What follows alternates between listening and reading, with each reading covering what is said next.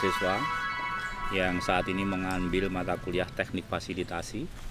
Pada sesi ini saya akan menyampaikan tentang sejarah mengapa fasilitasi itu hadir di dalam uh, konteks uh, perubahan sosial kita. Yang pertama, teknik fasilitasi ini hadir karena didorong adanya pergeseran di dalam paradigma perubahan sosial dari pembangunan ke pemberdayaan. Jadi ceritanya seperti ini, bahwa setiap kita, setiap masyarakat, setiap orang itu pasti akan melakukan, akan menjalani apa yang disebut dengan perubahan sosial. Nah, para ahli mendesain perubahan sosial ini dalam berbagai konsep, teori, dan bahkan paradigma. Ada yang namanya paradigma pembangunan untuk mengawal perubahan sosial itu sendiri. Cuman yang terjadi kita ketahui bahwa di awal tahun 60-an paradigma pembangunan ini bias pada pembangunan ekonomi dan sangat bias pada pertumbuhan ekonomi. Seolah-olah perubahan sosial ini akan terjadi kalau ada pertumbuhan ekonomi yang tinggi. Bahwa pertumbuhan ekonomi dibutuhkan ya. Pertumbuhan ekonomi itu ditunjukkan oleh semakin banyaknya produk, barang dan jasa yang dihasilkan. Sehingga di situ menempatkan manusia sebagai faktor produksi ini persoalannya di situ. Sehingga paradigma pembangunan itu yang bias dengan pembangunan ekonomi dan pertumbuhan ekonomi seolah-olah menjadikan manusia ini sebagai objek, sebagai faktor produksi saja. Ini yang dikritik. Terjadi apa yang disebut dengan dehumanisasi, proses mentidak manusiakan manusia. Terjadi untuk sebuah pertumbuhan terjadi kerusakan hutan di mana-mana. Terjadi eksploitasi sumber alam yang tidak atau yang abai terhadap persoalan kelestarian ini kritik besarnya seperti itu. Nah, di tahun 80-an terjadi kritik atas itu, maka paradigma pembangunan ekonomi yang bias dengan pertumbuhan ekonomi tadi digeser, dikritik, dikoreksi dengan apa yang disebut dengan paradigma pemberdayaan yang menempatkan manusia itu sebagai subjek perubahan sosial. Jadi ke arah mana perubahan sosial itu akan terjadi itu terserah pada masyarakat, itu terserah pada manusia. Nah ini ini persoalan di situ pertumbuhan ekonomi dibutuhkan, tapi pertumbuhan ekonomi yang didorong juga oleh pemerataan pembangunan.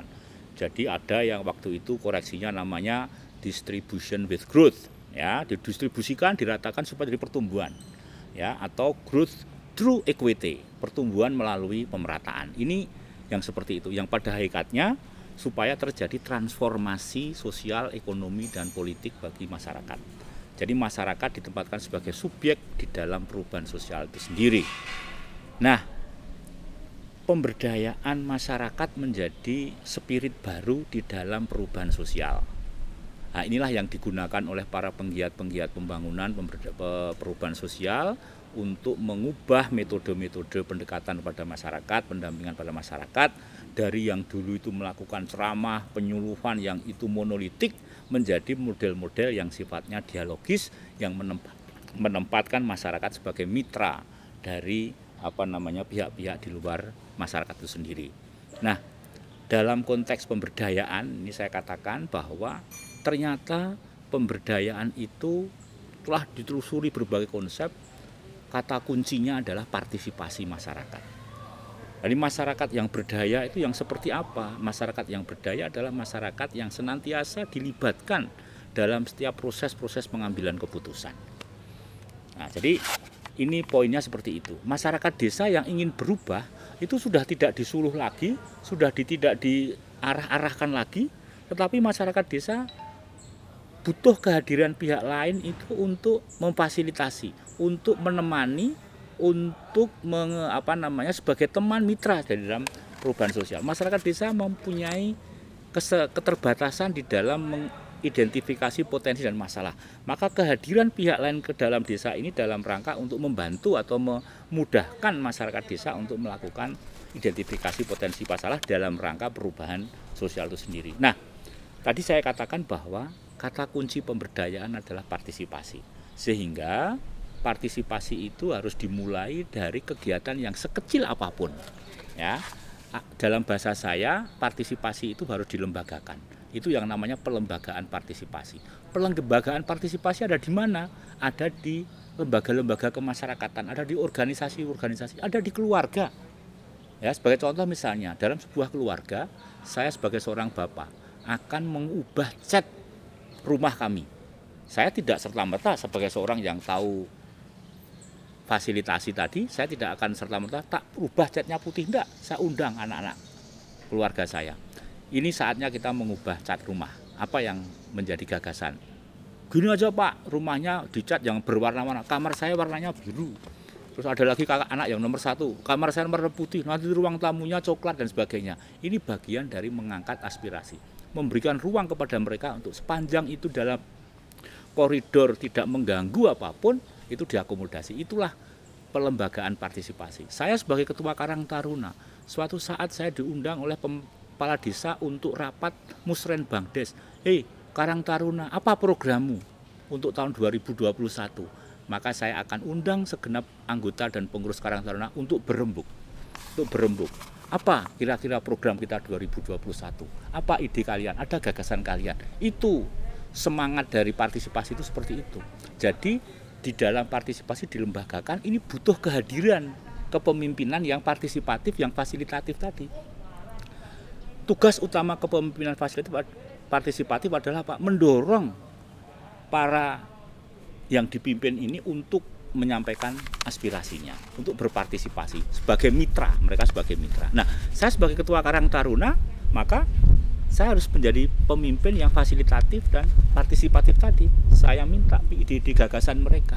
Kita mainkan itu gagasan-gagasan itu di dalam sebuah metode yang nanti akan kita pelajari sehingga ketemulah inilah susunan peng, apa namanya program kerja Karang Taruna di 2021 yang akan kita bawa ke musrenbang. Nah, inilah teman-teman pelembagaan partisipasi yang saya maksudkan dan untuk itu maka teknik fasilitasi dibutuhkan. Untuk saya bisa memimpin atau mengelola diskusi yang seperti itu, ada ilmunya ternyata namanya teknik fasilitasi. Yang intinya adalah bagaimana mendorong partisipasi dari peserta diskusi sehingga keputusan dari diskusi atau musyawarah itu adalah keputusan bersama yang kita kawal bersama. Ini yang alasan yang pertama adalah perubahan itu. Nah, dengan masyarakat tadi sudah saya jelaskan.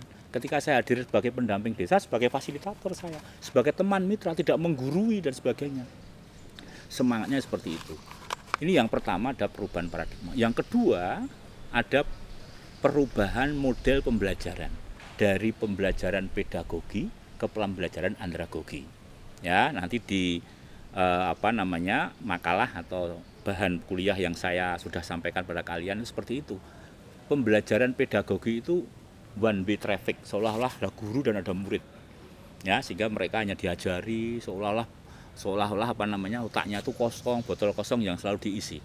Tetapi kalau belajar andragogi menempatkan peserta belajar atau peserta musyawarah itu adalah orang dewasa yang punya pengetahuan, punya pengalaman, pengetahuan dan pengalaman itulah yang didesain untuk sebuah ide-ide, gagasan-gagasan besar.